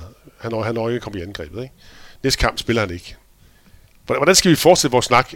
Øh, ja, Torben, nu, nu blev det ikke det den her uge, men, men næste uge måske også. Nu skal du høre, du skal bare tænke sådan, sådan altså der, der, der er nogle oplagte problemstillinger i, at, at man både skal være ham, der eksekverer, og samtidig også være ham, ja. som er inde bag gardinet, ikke? Ja. Og han, øh, Martin Langer gør har både øh, i går for, i forhold til hvilken cheftræner der har været, så har han jo både, han har kørt rigtig mange individuelle samtaler, både mm. med spillere og ledere. Men også har fået lov til, øh, fået lov til, for eksempel, der, når jeg var der som chef, at øh, holde gruppemøder og fortælle om, psykologi, okay, fortælle om ja. coaching og fortælle om, hvad det er, han tænker, så folk ikke synes, at det er et eller andet volapyk. Det er altså noget, du skal træne i hver eneste. Det er ligesom din fysiske træning. Mm. Så, så skal du også være klar op i bøtten, fordi det er jo der, hvor de bedste, de kommer til udtryk. Det er, at man er mentalt stærk, så kommer med, at man kommer langt. Altså det er modet til at, at kunne levere i selv i svære situationer. Mm. Og hele tiden have en, en god rygsæk og have en god tankegang og være ja, have en positiv tankegang. Det, så han har været, for mig har han været øh, fantastisk dygtig omkring holdet. Sådan tror jeg, alle spillere, alle ledere ude i OB, de, de vil sige omkring ham. Vi har faktisk et meget spændende projekt, vi skal starte op nu her til, til august. Det er Robert Gundersen, vores øh, stregspiller. Han skal til sammen med en psykolog, der hedder Søren. De øh, bliver tilknyttet holdet. Øh, det er nogle virksomheder, der så har betalt for det. Og de kommer ind og skal arbejde med holdet, samtidig med at skal arbejde med nogle virksomhedsansatte også, men det er så lige meget. Men øh, en af de ting, vi har snakket om, det er også at, at, at blive dem, der hele tiden tager temperaturen på holdet. Altså det vil sige, sidder og snakker med spillerne om, hvordan den enkelte spiller har det, og selvfølgelig også en form for coaching så samtidig. Så Robert det en rolle også. Ja, ja. ja. Robert har så altid været et forbillede på, ja, ja. mange fronter, der kan godt bruges til det. Ikke? Og jeg glæder mig meget til at få den feedback fra dem, i en eller anden sådan lille, øh, selvfølgelig skal den sådan krypteres en lille smule, ikke? Altså, men, men øh, det kunne være sjovt at vide, hvad, hvad holdet egentlig tænker, og hvordan spillerne har det, og så videre, fordi altså re- reelt så, så bilder man sig ind som træner, man har styr på tingene, ikke? Men, men i virkeligheden så foregår der jo vanvittigt mange ting, mm. som, som, som man egentlig ikke i et stærkt omfang måske kan, kan lodde. Så du får både et ekstra videnslag og noget, måske også noget ejerskab? Ja, begge dele faktisk. Ja, ja. ja. Jamen altså nogle, nogle gode ting, for eksempel med, med, med, med teatrailer og coaching, det er jo at vurdere sin egen træning. Altså lære at vurdere sig selv. Har, har, jeg, har jeg leveret godt nok i dag? Det, det er jo sådan nogle ting, at, øh, at de implementerer i, øh, i dagligdagen i dag. Man, man sidder simpelthen og vurderer sig selv efter en træning. Leverede jeg egentlig det, at vi havde aftalt, at jeg skulle? Når spillerne jeg klar? gør. Havde jeg gået ordentligt tid i seng? Havde jeg spist det, jeg skulle, inden jeg skulle præstere? Var jeg på? Skema, ja, Ja, eller så, sidder, så, sidder man simpelthen, så lærer man at kende man lærer også at kende sig selv bedre i forhold til de aftaler, man har lavet. Så jeg, jeg synes, det er enormt sundt. Der er aldrig noget, der må blive fanatisk. Nej, nej. Men super, det er super man går med nogle hjælpemidler, hvis man kan sortere i det. Jeg kunne godt tænke mig lige at øh, igen få at tage parallellen mellem, eller øh, forskel mellem idrætsgrene. Det er der, når man ser en timeout. Øh, jeg tror, jeg har brugt det her eksempel nogle gange, men, men, og, og det er tilbage til det gamle svenske landshold med øh, Bengt Johansson, eller Bengan, øh, og når Staffan Olsen og Per Karlen og så videre, de stod derinde, og når man så den her øh, voksne træner, gamle træner, stå sådan lidt udenfor, og spillerne kørte den der timeout, det har jeg altid været sådan meget fascineret af at sige, hold da op, der er godt nok nogle medarbejdere her, altså set ud fra ledelsessynspunkt, som, som, som ved nøjagtigt, hvad det handler om, og som har ejerskabet, som får ejerskabet, og som tager det derinde, altså den der selvledelsesdimension. Er det signifikant for håndbolden, eller, og er det sådan et, er det, er det et typisk eksempel, eller er det et atypisk eksempel, Erik? Først synes jeg, at ellers er noget skide, rigtig, rigtig sjovt fra starten af, et eller andet med, at øh, så kommer tv på ved, ved timeouten, ikke? Det var, det var en ret skæg udtalelse, Ja. fordi det betyder egentlig, at, at øh, står træneren og ser sig selv i tredje person, er han i gang med at sige, Ja. ja. øh, hvad, hvad ser folk nu? Nu læser folk, at jeg siger noget eller ikke siger noget. Øh, hvad, hvad siger jeg? Er det noget sludder? Øh, og Hvilket så videre. sprog skal jeg bruge? Og så, Ja, videre. ja, det er ret, det er ret skægt, fordi det, det er jo sådan lidt af et problem, hvis man, hvis man ender med at stå og, og se det hele tredje person. Rigtigt. Omkring det der med selvledelse, ikke? Det, der har været sådan, fra tid til anden har nogen ment, at det var bedst, at træneren sagde noget, eller spilleren sagde noget. Altså i, i virkeligheden så er trænerrollen jo fuldstændig afhængig, øh, hvad hedder det, undskyld, forskellige arter, afhængig af, hvilket hold du har. Har du et bundhold? Har du hold, der fungerer? Øh, har du et stort budget, ligger i bunden? Det er jo, et- det er jo et job. Mm. Jeg tror næsten, at, at hvis vi opstiller sådan nogle situationer, så, så er forskellene større på baggrund af, hvilket hold du har, hvad situationen er, end det er på idrætsgrenene. Når vi snakker selvledelse, så hvis jeg havde haft Jesper Jensen, dengang han spillede øh, i Skjern for eksempel, ikke? så tror jeg, jeg havde sat mig ned med en gin tonic, og så sagt til Jesper, kan du ikke lige vinde den kamp? Der havde du et sødt og rart menneske, som var vældigt, som havde den øverste placering i hierarkiet, som kunne styre spillet, som kunne læse det, som kunne sige, hvad der skulle ske osv. Så, videre. så var det fuldstændig gak, hvis træneren han overhovedet øh, øh, åbnede munden. Ikke? Så kan du have andre situationer. Øh, jeg kan så, samtidig have haft nogle hold, ikke, hvor, man, hvor man siger, hvad synes I? Og man ved godt, det skal jeg bare ikke spørge om, fordi det er altid ham derovre, der ytrer sig, og det er fuldstændig gak, den kommer med. Ikke? Så, så det, det, er med. Jamen det, jamen det kan være næsten skræmmende, fordi man ikke kommer videre. Ikke? Man er lagt op til dialog, ikke? og så kommer der et eller andet mundlort. Ikke? Og, og så, man kan ikke skyde ned, for skyder man ned, så er der ikke fedt at sige noget. Ikke? Nej, nej. Så, så, Og det er øh, altid de samme, der siger Ja, præcis. Ja, Ja, så det afhænger fuldstændig Det er ikke kun på håndboldhold, håndboldhold Nej, det er det samme. sige. Heller ikke på fodbold. Det er akkurat det samme på fodbold også. Jo, og, og, det, og så, så, så idealsituationen er selvfølgelig, at dem, der spiller derinde på banen, at det er dem, der styrer det hele. Altså dem, der har idéerne, dem, der aftaler det indbyrdes og, og stemmer det af. Det er jo idealsituationen. Men det kræver så også, at, de har de kompetencer, der skal til. Ikke? Men tror du ikke, det er mere udtalt i håndbold? Øh, jo, altså jeg, mener, jeg, jeg synes jo, øh, så for at skrev noget rigtig fint på et FCK Holmstrøm på det tidspunkt, sagde, nu må spillerne fandme sætte sig ned i FCK, de har spillet helvede til lang tid, ikke? Nu må de sætte sig ned og finde ud af, hvad der er vejen, ikke? Så skrev hun sådan en eller anden, en, en, en leder et eller andet sted, eller en, øh, en kronik, hvor hun skrev, hvad tror han selv? De der spillere, de render rundt og performer i helvede til. De kan ikke finde ud af, hvad de skal gøre ved deres eget spil. Tror han, at de har et eller andet for, forkrobet overblik over, hvordan vi får de der 11 mand sat sammen til at vinde over modstanderholdet? Det er da fuldstændig øh, øh, tåbeligt, ikke? Øhm, Altså, det, det, nu tager vi tråden, hvad var det, du spurgte om? Nå, men i forhold til, om det var, om det var mere udtalt i håndboldsporten, øh, at, at Ja, spiller... ja, ja, altså, det vil sige, altså, altså jeg tror, at den, det, det, det er nemmere som spiller i håndboldsporten, hvor der er syv mand, det er afgrænset, man har nogle taktiske åbninger, man sætter noget i gang. Det er langt nemmere at have et overblik over, hvad der er i vejen, og hvad, hvad kan vi ændre på, end det er i fodbold. Der er fodbold altså en helt anden maskine. Ikke? det er helt meget mere komplekst. Altså, du er også Ja. i udskiftninger. Ja, jeg kan ja, jo bare, præcis, ikke? jeg kan jo bare skifte ud. Hele tiden. Altså, jeg- jeg- for eksempel, et af de steder, hvor, hvor jeg har overladt noget, øh, hvad kan man sige, noget magt til, øh, det er omkring standardsituationer. Der har jeg altid nogen, som jeg har fortalt, altså målmanden for eksempel, han har meget, meget stor indflydelse på. Den organisation, vi har aftalt inden kampen, den skal vi overholde, og det skal du være. Du kan stå og se det hver eneste gang.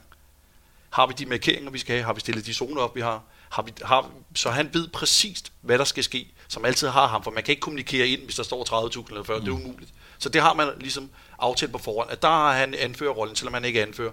Du, det er ham, der ved af organisationen, det er to zoner foran ham, resten med kører ind i, i så han danner sig ligesom et billede af, okay, nu, nu ser det ud, som det skal. Som ikke får de der med, at jeg glemte at tage min mand og sådan noget. Som op, ofte sker. Specielle mm. angriber, der kommer ned og skal forsvare.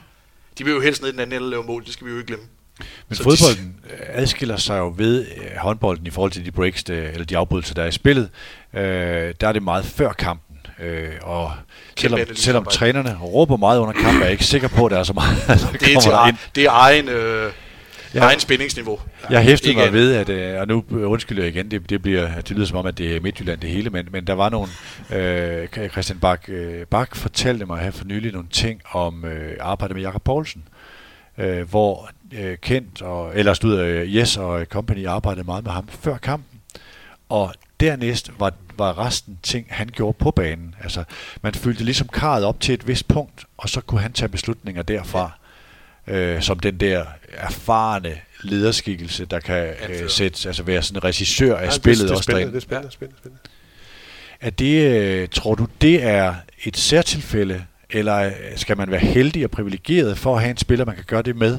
Nej, det tror jeg ikke, jeg ser tilfælde. Det, det synes jeg også, vi mange gange gjorde, for eksempel Rasmus Wirtz eller ja, Thomas Augustinusen ja. i OB, øh, er ligesom dem, der går forrest i, i forhold til det, skal vi har man, Skal man ligefrem lede efter de der figurer? Ja. ja. Det, er ikke, det er ikke bare sådan nogen, der, der kommer og går. Nej. Men, men der er ingen tvivl om, at når du, når du har et anførererhverv i en fodboldklub, så er det fordi, du er valgt.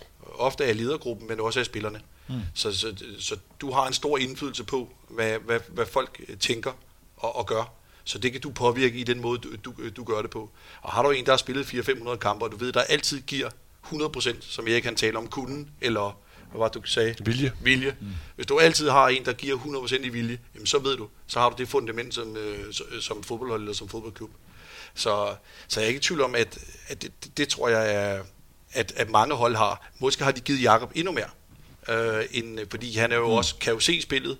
Han har modet, han har været med mange år, han har vundet noget før. Så altså, han, har jo en, han, er jo, han er jo for mig det essentielle i at uh, se Midtjylland som mester nu. Ja. Det, det er han jo. Så godt, ja. Skismen er enormt spændende. Det er så også det der, øh, hvor meget taktik skal der til. Mm. Altså man kan sige, hvis man har et, et hold, som hvis nu vi går ud og spiller vores eget spil, så vinder vi over modstanderne. Så er det jo fedest at bare ligge og justere på sin egen øh, systemer, og ligge og justere på sit eget forsvar, sådan ganske ganske små justeringer, hvis du har holdet, som, er, som ikke kan klare sig over for modstandere, så skal man til at finde på noget. Mm. Øh, så skal vi til at lave en plan forud for kampen, så gør vi det og det for at overraske dem, og så gør vi sådan i stedet for alt det andet. Og under, undervejs i kampen, så skifter man ud, og så gør man lige et eller andet, ikke? og så tager man alligevel, eller også... Eller også, et, eller, eller også så er det igen målmand, der afgør kampen. Ja, ja, præcis. Sidst, ikke? præcis. Ja. Men, men, øh, men noget af det, som vi har arbejdet meget med, det er sådan et spørgsmål om, hvor meget, hvor meget øh, video skal vi se for kampen. I håndbold ser man jo video rigtig meget af modstanderne, ikke? og sidder og ser på, hvilke spidskompetencer de har, hvilke systemer de spiller osv. osv. Ikke? Og vi øh, endte faktisk øh, sidste år og, og konkludere, at vi spillede bedst, når vi ikke så video. Så vi tog faktisk en, vi har været ude i en halv, en hel sæson, hvor vi stort set ikke har set video. Nu gør vi det så igen. Ikke. Det er typisk dig ikke. Jamen, det, jamen, jeg, jeg, vil bare, jeg, jeg, jeg, bare, jeg bare konstatere, ja. at, at de ting, som vi pegede på, de ting, vi pegede på, de skete alligevel. Ja. Plus, at, at nogen var så enormt bundet af det, og, og, og performede egentlig dårligere, end de, end de vi har gjort med video. Det var jeg helt sikker på. Jamen, det er jo klart, hvis han får besked på, det der skal du, det der skal du ikke gøre så gør han det jo, fordi det, hjernen, den, den, den, ja, det, jamen, det, det vil sige, men du kan også sige, nu står noget i forsvaret, ikke? Og så, ja. så for eksempel har Morten Nyberg, han har en skidegod Radinovic finte, ikke? Og så viser du den seks gange og se, Morten laver Radinovic, ikke? Ja. Og så står han og venter på det Radinovic, men i den kamp laver Morten ikke nogen Radinovic, så det vil sige, så kan han ikke rigtig frigøre sig fra det på samme måde som en målmand. Du siger typisk, når han brækker det ud, skyder han derover, ikke? Nogle målmænd har enormt gavn af det, fordi de, frigør, de kan frigøre sig fra det også, ikke? Andre de bliver bundet af det, og pludselig tør de ikke rigtig gå, fordi de egentlig øh, bliver bange for at, mm. og skal sige, fejle på det, som, man, som de har fået information om, ikke? Så, jeg har altid haft det sådan, aller, allermest, når du skal lave en taktik, kig på dig selv, på det du vil præstere først og fremmest. Selvfølgelig skal når du skal møde bedre hold, som Erik siger, og det er jo det, alle trænere gør, mm. så kigger man lige på, hvad, hvad er det for nogle styrker, de har, og hvordan kan vi ødelægge deres styrker. Men først og fremmest, så skal du kigge på dit eget udtryk, på dit eget, øh, på dit eget fodbold. Men kan det også have noget med at gøre, hvordan man bruger video? Altså, at du kan bruge den helt vanvittigt defensivt i forhold til, hvad skal vi undgå, men du kan også bruge den offensivt til at sige, her skal vi stikke kniven ind. Ja, selvfølgelig selvfølgelig. Det er hele ja. analysen. Men, men det er rigtigt, der er, i forhold til Superligaen for eksempel, nogle klubber har jo ikke ressourcer til det. Nej. Til at bruge det på samme måde Nej. som uh, nogle andre. Nogle bruger det mere eller mindre. Det kommer helt an på, hvilken type cheftræner man har. Ja, nogen, øh, øh, jeg lavede en tilsvarende snak med Michael Troller og Kasper Julemand øh, omkring de teknologiske virkemidler, ja. øh, og hvor jeg mener Kasper det også fortæller, at man nogle gange bruger video i pausen. Ja. Altså simpelthen. Øh, vi, startede, vi startede på det i år. Altså, øh, det, vi har haft tekniske, ikke tekniske udfordringer, skal jeg sige, men altså, hvor, hvor vi i løbet af kampen, så via nogle signaler, så bliver der så øh, klippet nogle, nogle, lavet nogle klip, ikke? Og det er egentlig så meget, fordi øh, ofte når man ser sådan en håndboldkamp, så man går hjem og ser bagefter på video, så er det to fuldstændig forskellige oplevelser. Ja. Ikke? Det, er jo, det, er jo, det er jo skræmmende, hvor mange mistolkninger man laver i løbet af sådan en kamp. Ikke? Og Som der, træner? Ja. ja, og der er det jo fedt at kunne gå ud til, til halvlejen, måske også at vi spillerne, altså have sådan 8-10 klip, ikke? Så, så vi kan se, når de laver den rundgang, og de laver det system der, så gør vi sådan, sådan, sådan pas på det og det og det. Ikke? Så, så til, til at understøtte ens egen perception, der kan det være skide godt, ikke? under kampen også. Ja. Så det gælder både spillere og trænere? Ja, øh. ja i princippet ikke, fordi vores opfattelse af, hvad der skete, øh, ikke altid hænger sammen med, med ja, det, virkeligheden. Ja. Den er jo fuldstændig struktureret op sådan en pause i en fodboldkamp. Hvad, hvad man gør fra start til slut, for at få så mange øh, detaljer med som overhovedet muligt. Men også... Og sige, vi skal bruge det, og vi skal bruge det, og så ja, men evaluerer også, vi og justerer på baggrund af det. Men også lad være med at give dem for mange input. Det har spillere ikke brug for. Altså, det, det, det, det har de altså ikke. Nej. Du, skal ikke. du kan ikke sige syv forskellige ting til en spiller i en pause. Så sidder han som et stort spørgsmålstegn, når han skal gå ud og spille anden halvleg. Max det, to. Det, DHF de lovede mig engang, når vi skulle lave et projekt, men det har vi aldrig kommet i gang med det. Jeg havde en drøm om, når du tager sådan ud, tager ud i en håndboldhal i Danmark, ikke? Og ser sådan et U14-holdspil, så får det betydet på den måde, at hvis det er sådan lidt elitært, så står trænerne og taler en 20 minutters tid op til kampen, om hvad de skal gøre i dag. Ikke? Jeg kunne tænke mig en gang at prøve at, at lave en sådan set korrelation mellem det, der blev sagt, og så det, som spilleren fik ud af det. Ikke? Og der er ikke nogen tvivl om, som, som, altså det er jo fuldstændig gak. Altså jeg kan huske, at jeg trænede dag med i U16 hold på et tidspunkt, elite. Vores længste øh, hvad hedder optag, det var 30 sekunder. Fordi det kan ikke hjælpe noget. Og samme spillere, altså, du kan godt vælge at give otte informationer, men, men de kan huske de to. Så er der bedre, ja. du selv, selv vælger de to ud, som du, skal, som du gerne vil have, de skal huske, i stedet for at de selv vælger blandt de otte. Ikke? Og derfor så har jeg en, der sidder op på tribunen med og kigger mig i øjnene, som er fodboldfagligt dygtig, og ved, hvordan jeg gerne øh, vil have spillet og ser spillet. Og så kommer han ned i pausen, og så sidder jeg og taler med ham. Så siger jeg altid, giv mig to ting defensivt og to ting offensivt. Og så har jeg en anden træner, som går rundt og tæller individuelt med spillerne, mm. i forhold til at justere sådan nogle ting. Så jeg har det overordnet over, overblik og fortælle om, jamen det er nok en god idé, hvis vi spiller 4-5-1 nu i stedet for, fordi de kommer til at spille 3-4-3 i anden halvleg. Man ligesom har de taktiske overblik, hvor, hvor det andet bliver meget en-til-en situationer. Hvor, hvor det var til at spørge om noget. Må jeg også gå det? Ja, det må du i hvert fald. Jeg kan godt tænke mig at høre, hvordan, altså, sådan et fodboldhold, ikke? Altså, holdene er jo karakteristisk, eller karakteriseret ved, at, at alle er på vej et sted hen. Altså alle er på vej til en stor millionkontrakt i udlandet. Ikke? Øh, der, yes. der er i princippet ikke nogen, der har der, hvor de spiller som deres slutmål. Nej. De der teams i fodbold, hvor, hvor stor er deres interesse for, at deres hold skal vinde? Jeg plejer gerne, når jeg udholder foredrag, så plejer jeg at lave en, sådan en håndsoprækning til at starte med. Øh, vi tager sådan en kamp i oktober måned, en landskamp mod Tyrkiet. Øh, ben Nygaard sidder og snakker, og fladet går op, og så videre, så videre. Ikke? Sådan en løsrevet landskamp. Og så plejer jeg at spørge folk, øh, hvad tror du, spilleren vil vælge, hvis han kunne vælge mellem enten at lave et mål selv, og Danmark vinder, eller lave otte mål selv, og Danmark taber? Og det fordeler sig sådan lidt halvt halvt, og så bliver sådan lidt tumult omkring det der. Ej, der skulle da ikke en eneste spiller, der heller vil lave øh, et mål, og Danmark vinder. De vil skulle have tage kampen og lave otte i en landskamp, ikke? hvis ikke det er lige en VM-kamp. Ikke? Hvordan, hvordan, hvordan får man sådan et fodboldhold til at, i, i det mindste at lade som om, at de er på samme hold?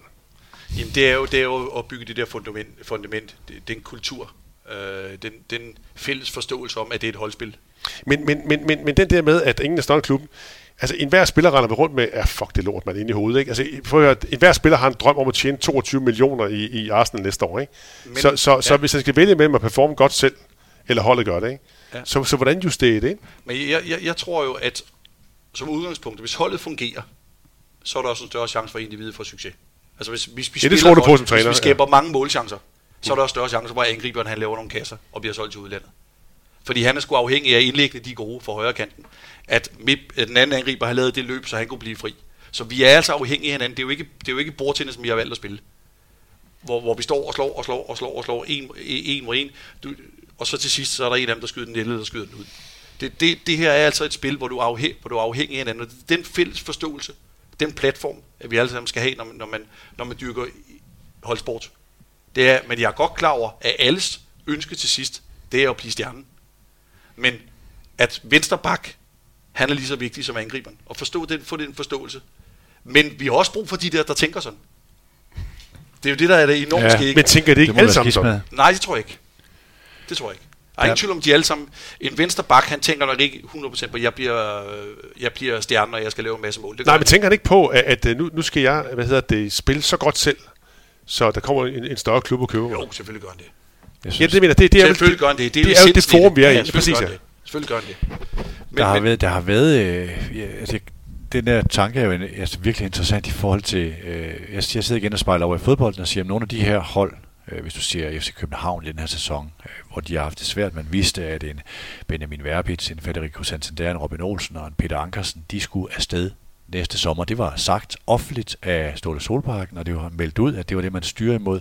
Men hvis de skulle ud, ville det jo også kræve, at holdet præsterede og kom i, kvalificerede sig til Europa og kom i europæisk puljespil, alt det, der lå forud. Så der er jo, at du er nødt til at have det relationelle for at kunne præstere, så du kan gå ud og forløse det individuelle. Altså der er ligesom en trin 1 og det er trin svært 2. at vinde Jamen, en er fodboldkamp selv, ikke? Jamen, det er ikke jamen, Messi, jeg prøver- Ronaldo, det- det- det- eller... Det, det, det, Jamen, det er der enig om. Ja. Ja. Jeg er da enig i overordnet, når vi sidder og taler på lederplan, så vi, kan vi fuldstændig enige om det. Men jeg tror også, at individerne nogle gange kan se det. At, at nogle af de der... Og der tror jeg, at fodbold er et meget relationelt spil. At øh, Brøndbys øh, presfodbold vil falde fra hinanden, hvis ikke det bestod af 11 mand. Øh, og FC København ville ikke komme i det puljespil, hvis ikke relationerne i zoneorganisering, altså organiseringen, de der ting, sad i skabet. Så jeg tror, der er sådan en, den der individuelle agerighed, det er vel kunsten at kombinere den med en forståelse af, at vi skal, vi skal lykkes som 11, fordi vi er ikke dygtigere end de andre. Ja, så vi eller, skal, eller, eller et fælles regelsæt, kan man sige. Ja, Ja, ja. Nogle gange så er, det, er justitsen jo på banen. Der har du nogle spillere, der, der, der rydder op, hvis der er sådan, at der er nogen, der ikke gør, hvad de skal. Ikke? Andre gange kan det måske være træneren. Ikke? Og der, der, der er det også det, jeg tænker på, altså, hvor, hvor ligger den hen i fodbold? Er, er, det, er det typisk styret af deres ind, altså, hvad skal man sige, indbyrdes øh, rangliste? ja, det vil, det vil jeg sige. Det, det, det kan det sagtens Me, være. mere end det er træneren, der griber ind udefra. Både og. Nå. Jeg vil sige, jeg vil, jeg vil sige det er både og. Men det, det, det er jo altid det, man diskuterer i holdsport. Ja, ja, det, det, det, det er jo den der sjove der, at øh, der er jo nogen, så er der jo også nogle type spillere, du helst ikke vil undvære. Ikke? Altså dem, der kan lave målene, dem vil du fandme ikke undvære. Fordi du, de, du ved, at de afgør kampene. Mm. Og hvis jeg havde været håndboldtræner, så havde jeg brugt alle mine penge på at få den bedste målmand. alle, alle, jeg havde været fuldstændig ligeglad med alle de andre. Hvis han lå mellem 40 og 50 i redningsprocent, så ved jeg, at der er så kæmpe stor chance for, at jeg vinder kampen. Så jeg forstår slet ikke, de, i håndbold må de være de dyreste. Ja, altså hå- håndbold og ishockey, de skal altså have en Ja, de skal sgu have en keeper.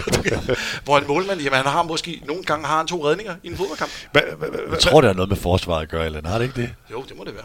At målmanden bliver det er god det bag et godt forsvar. Det er jo eller et hvad? andet spil. Håndbold, det er jo hele tiden. Ja, ja. Målchancer, ikke? Altså, det, er jo- det er jo derfor, vi godt kan lide at se det også, tror jeg, både live og... Og man er, som jeg siger, bliver ikke afhængig af, at det blæser vel, eller der er sne, øh, snevejr eller snestorm. Tilskuerne kommer sgu alligevel spillermødet også op. Må jeg spørge om en ting til? Øh, eller hvad, hvad gør man Jeg, egentlig? jeg, for- jeg drikker kaffe, og du spørger bare, ja. Ja, det er det er fint. Det er fordi, nu har har jeg fornøjelse. Vi, her i byen har vi jo AGF, ikke? og det fungerer jo rigtig fint lige nu. Ikke? Øh, Jeg har set, altså andre år har jeg sådan hørt spillere udtale sådan med, at hvis ikke jeg starter får en spilletid, så flytter skifter i klub og sådan noget. Ikke? Hvad gør Det man siger egentlig- de hele tiden. Hvad gør, ja, hvad, hvad gør man egentlig som fodboldtræner? Øh, Rydder man op i det, eller er det, er det legitimt? Jeg tror, det er helt legitimt at være skuffet. Jamen, det er ikke det, jeg taler om. Jeg taler om det at sende beskeden ud i offentligheden. Ja, det kan man godt gøre. Det er okay. Ja, det kan man godt gøre. Altså, jeg, jeg har Ofte er sådan det også gensidigt. Ja. Altså hvis man lige nu har en Martin Spellemann situation herinde. Vi sidder her i øh, øh, Sears Arenas øh, ko- kontor, øh, og stadion ligger her i Sears Park, ligger lige ved siden af. Men der er det vel sådan en, hvor den er gensidig. Altså hvor spilleren, jamen jeg vil, jeg vil gerne væk, og øh, ledelsen formentlig også siger, at vi vil godt holde på dig, men vi kan også godt erstatte dig med en anden, hvis du hellere vil det, og så finder man en forretningsmæssig løsning på det. Egentlig er vi meget gode til at finde det der sammen, jeg synes jeg, som, som, som spiller og træner. Hvis du ikke har spillet, vi, vi, er jo, vi er jo med til at beslutte, hvem der får succes eller ej. Mm. Helt ned til øh, grounded, det er vi jo. Ja, det kan du Men de er jo fandme også afhængige af, at de skal jo bevise, når de får chancen, så skal de bevise, at de er gode nok for, i forhold til det hold, vi gerne vil sætte. Jo, men altså, grund, grund til, at jeg siger det, det er, at i håndbold, ikke, altså på mit hold, hvis, hvis der er en, der udtaler sådan, eller udtalte sådan noget i pressen, det var der tidligere, som til nogen, der øffede et eller andet, ikke? så tog jeg avis med til træning, og så, så fik vi lige en redegørelse for det. Det er meget fedt. F- fordi jeg, jeg mener ikke... Over for truppen. Ja. Nå, men så har jeg Fordi- misforstået. Vi, jeg vil jo helst tage det internt. At det ikke kommer i... Jo, øh, men, nu- men nu kommer det så ud. Nu, nu er det kommet ud, ikke? kommer det fra en agent jo. Dem er der jo så mange af. Det skal du huske. Altså, det, det, altså jeg vil sige, samtidig kommer sådan nogle udtalelser fra spillerne, men det, det, var, det, jeg vil sige med det, det er, at i en trup, skal man til at fungere, så kræver det, at folk er fuldstændig trygge ved, at man kun kan kravle op i hierarkiet og få mere spilletid med performance, ja. altså ved at spille godt. Ja. Men det samme er, at man tillader sådan nogle udtalelser i pressen, så kan der hurtigt komme sådan lidt tvivl op, og sådan lidt, øh, spiller han nu fordi øh, et eller andet andet, at han, han presser på, eller spiller han fordi øh, træneren mener, at det er ham, der skal spille rent øh, præstationsmæssigt. Ikke? Ja. Og er derfor, jeg, jeg synes altid, det er enormt farligt, hvis der kommer andre øh, sådan, øh, øh, lodder i vægtskålen, end, end kun præstation. Jamen, det skal være præstation, der afgør, hvem der skal spille. Mm. Altså, det er, jeg er fuldstændig enig. Altså, det skal ikke være agenter, det skal ikke være klubber, det skal ikke være... Altså, det, nej, nej, men, men, men, men, spillerne skal også have trygheden. Trygheden, at det er ikke så meget det, om, om, om det er det, der afgør det, men det er mere, at spillerne skal have den tryghed, at man ikke kan øh, ævle sig til, til mere spilletid. Ikke? Ja. Mm. Vi har rundet en time. Jeg kunne tænke mig lige til sidst her at høre øh, sådan det kollegiale miljø mellem trænerne i de to øh, verdener. Øh, hvordan I ser det hver især. Allan, hvis du starter sådan det kollegiale miljø i fodboldverdenen, hvordan er det? Har du gode kolleger, eller har du konkurrenter? Jeg synes, jeg har både og. Ja. Der er ingen tvivl om, at man er i sådan en situation her, hvor når der kommer job ledige, og vi er en 5-6 stykker om det, så, så er man konkurrenter. på, at man selv får det. De andre nogle store idioter. At de vælger en, fordi man er bedst. Ja. Men der er jo heller ingen tvivl om, at de situationer, hvor jeg er blevet fyret, som er lidt uundgåelige i vores verden, så er der rigtig mange tilkendegivelser med det samme. Og der er altid nogen, hvor du føler... Tilkendegivelse, hvad mener du? Ja, de, det, det er jeg sgu ked af, hvad er der sket, og hvorfor okay, med det samme. Okay, ja, ja. Uh, og så er der nogen, hvor du er... Hvor du ved, at det er mere oprigtigt. mm. hvor du får en god samtale. Altså for eksempel Kent og mig. Vi har altid passet på hinanden. Ja. Uh, jeg har, var der med det samme Har du her. nogen, du sparer med? Ja, det er nok kendt. Okay. Det, ja. vil, det, vil, det vil jeg nok, det vil ja. jeg nok tro, jeg vinder og drejer sådan nogle ting der. Og så har jeg jo Martin Lange, går som coach for ja. som også ja. er min... Øh, så, så ham, ham, øh, ham sparer jeg også med. Men der er ingen tvivl om, at det er lonely rider job ja. at være cheftræner eller hovedtræner i en øh, niddersklub eller håndboldklub eller en fodboldklub. Du har mange tanker selv. Du har... Øh, det man skal lære, det er, man, alt det man går og bekymrer sig, der er jo ikke meget, der bliver sådan noget. Det, det, og det, det tror jeg ligegyldigt var... Øh, det, det, det er mit største udfordring, tror jeg. Det er at lade være med at tænke hele tiden, hvem mm. skal spille højre bakke i weekenden. Altså det, når, man er inde i det der flow, når man er fodboldtræner. Så derfor vil jeg faktisk foreslå alle at tage sådan et halvt års break, hvor man ikke er der. Kæft for er det sundt. Ja, for det er, det er helt vanvittigt så sundt, det er. Men lad være med, der skal ikke gå for lang tid, som der er gået med mig nu. for så lige så bliver man glemt. Du er ved at blive støvet op på hylden, Allan Kuhn. Det skal vi lige høre mig om lidt. Ja, ja. Det der med at kravle op i helikopteren, og så kigge ned, og så ikke have den der følelse i kroppen, når de andre taber eller vinder. Øh, men bare sidde og kigge på det nøgter. Ja, ja. Det, det, det er sgu skønt, det er en befrielse nogle gange. Og så bliver du altså også et klart bedre menneske. Det er jeg blevet over for din familie og dine børn og dine venner, når du ikke er fodboldtræner. Ja. Det vil jeg lige sige. Altså cheftræner. Ja, jeg, jeg, jeg tror sgu mange, mange trænere skulle have en coach selv. Altså det, ja. det, burde, det burde alle, alle trænere have faktisk. Altså, Rigtigt. Øh, fordi det er et ensomt job. Øh, mange steder. Hvor vi også kan snakke, ikke? Hvor han bare sidder og lytter og går med gode jo, idéer. Jo, ikke, bare, ikke bare det, men, men mange af de ting, der opstår som, i en trup, det kan godt føles som trusler. Det kan føles voldsomt, ikke? Indtil en, en, en der sidder udenfor og kigger på det, ikke? Altså er det jo... Part of the game. Ja, ja. bitte små ting, som ja. egentlig er forståelige nok, fordi nogle har nogle forskellige interesser, ikke? Altså, så Ja, hvor vi gør det til noget større, end det, end det ja, er. Ja, det er, ja, præcis. Ikke? Det er Men hvordan vil du beskrive det kollegiale miljø i håndboldverdenen, trænerne imellem? Ja, men det er sgu sjovt, fordi nu sad jeg nede til Final Four, Champions League Final Four nede i Køln, ikke? Altså, selv der, der giver spillerne lige hold til hinanden, når kampen starter, ikke? Jeg tænker, jeg har jo altid været sådan en nørd, ikke? Altså, selv da jeg spillede, øh, jeg talte aldrig med modstandere, hverken før eller efter kampen, heller ikke under kampen, med hilsninger på dem. De var der slet ikke. Det er en rigtig vinder, det der. Ja, det ved jeg sgu ikke, det er vinder, det er. det er vinder, der taber. Det er fedt, men, det er fedt. Det ved jeg, jeg ikke. Jeg, jeg, det kan jeg ikke selv. Jeg kan faktisk ikke godt lide det. Øh, og sådan er jeg også som træner egentlig. Det er sådan, jeg, så alt det der har... lille das, de giver til hinanden, når, når man går ned, inden kampen starter i håndbold, de er sgu så søde ved hinanden altid. Ja, Stregen, det, det, to sådan nogle gutter på 140 40 kilo, det siger altid. Så slår de lige til hinanden, og så kommer der bare krig af den første. Præcis, det er sådan lidt, lidt formelt, ikke? Jo.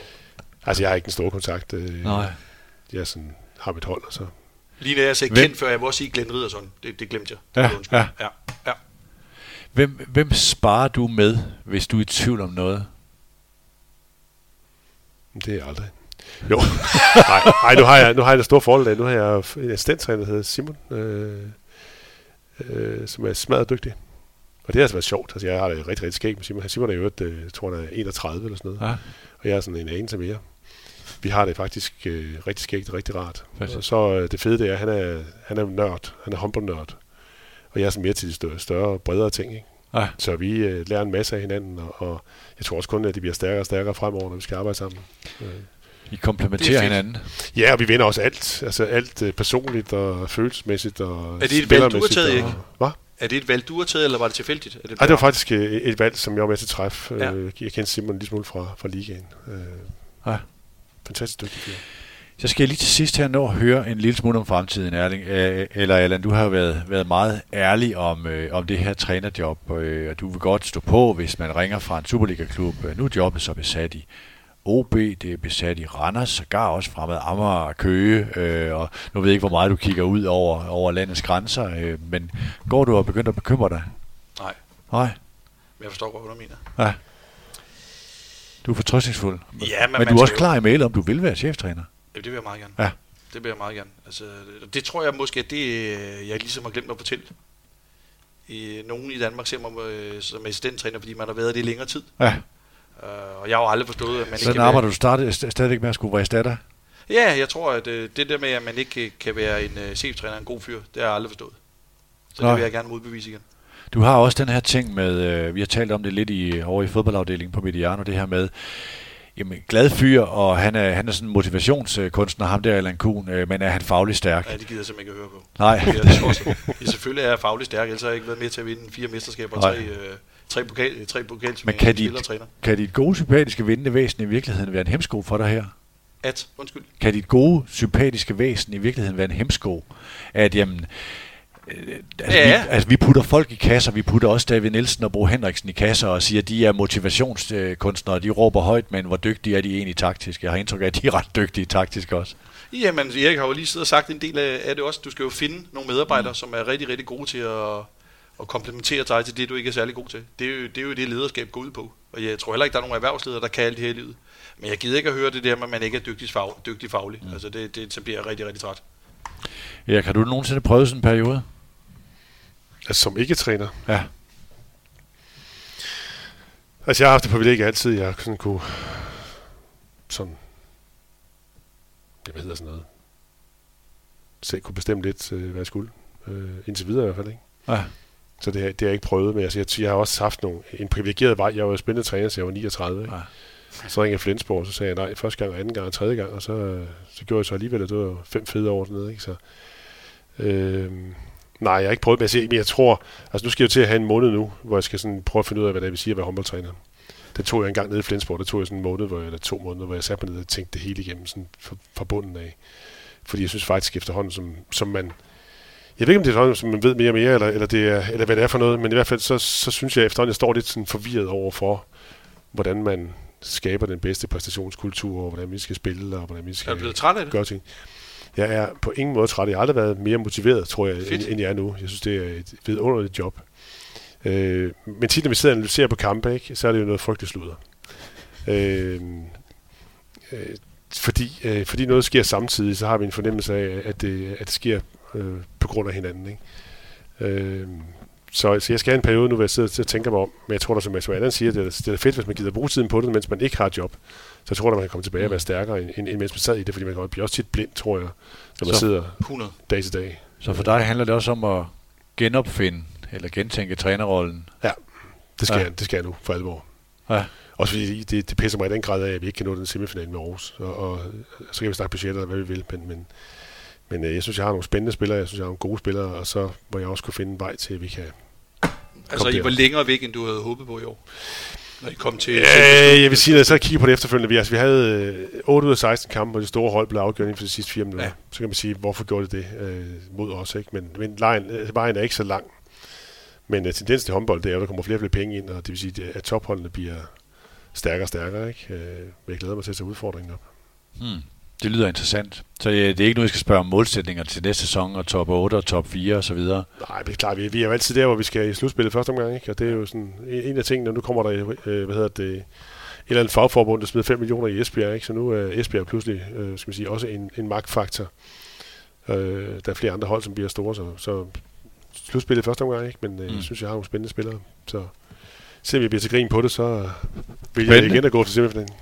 Så vil jeg sige tusind tak til Erik Vej Rasmussen og Allan Kuhn. Øh, tak, for, tak for en god snak. Ja, Vi- Øh, jeg vidste ikke helt, hvor det her skulle gå hen, når man bringer to verdener sammen, og kan man snakke om trænerrollen. Og, øh, jeg synes, det har været inspirerende. Øh, jeg håber også, lytterne har, har, øh, har fået noget ud af det. Nu prøver vi at sende den ud i begge vores kanaler. Først i håndboldkanalen, og senere over i fodbold. Øh, vi vil gerne lave flere af den her slags øh, samtaler, så send os endelig forslag til, sådan, hvem du godt gad øh, høre på derude som lytter. Øh, og hvis du nu, øh, øh, jamen sådan siger, jeg, jeg, jeg, jeg har altid godt kunne tænke mig at høre Jan Pytlik sammen med Viggo Jensen, eller hvad, hvad man nu kunne tænke i forhold til, til et eller andet, vi måske kunne bringe sammen. Ikke? Så vil vi i hvert fald gerne gøre forsøget. Så. Øh, tak til dig, der har lyttet med. Tak til Sparkassen Kronjylland, som øh, kom til os i starten af året og spurgte, om vi kunne tænke os at lave en podcast om håndbold. Derfor har Danmark nu fået et nyt håndboldmedie. Sådan er virkeligheden også, endnu 2018. Vi høres ved.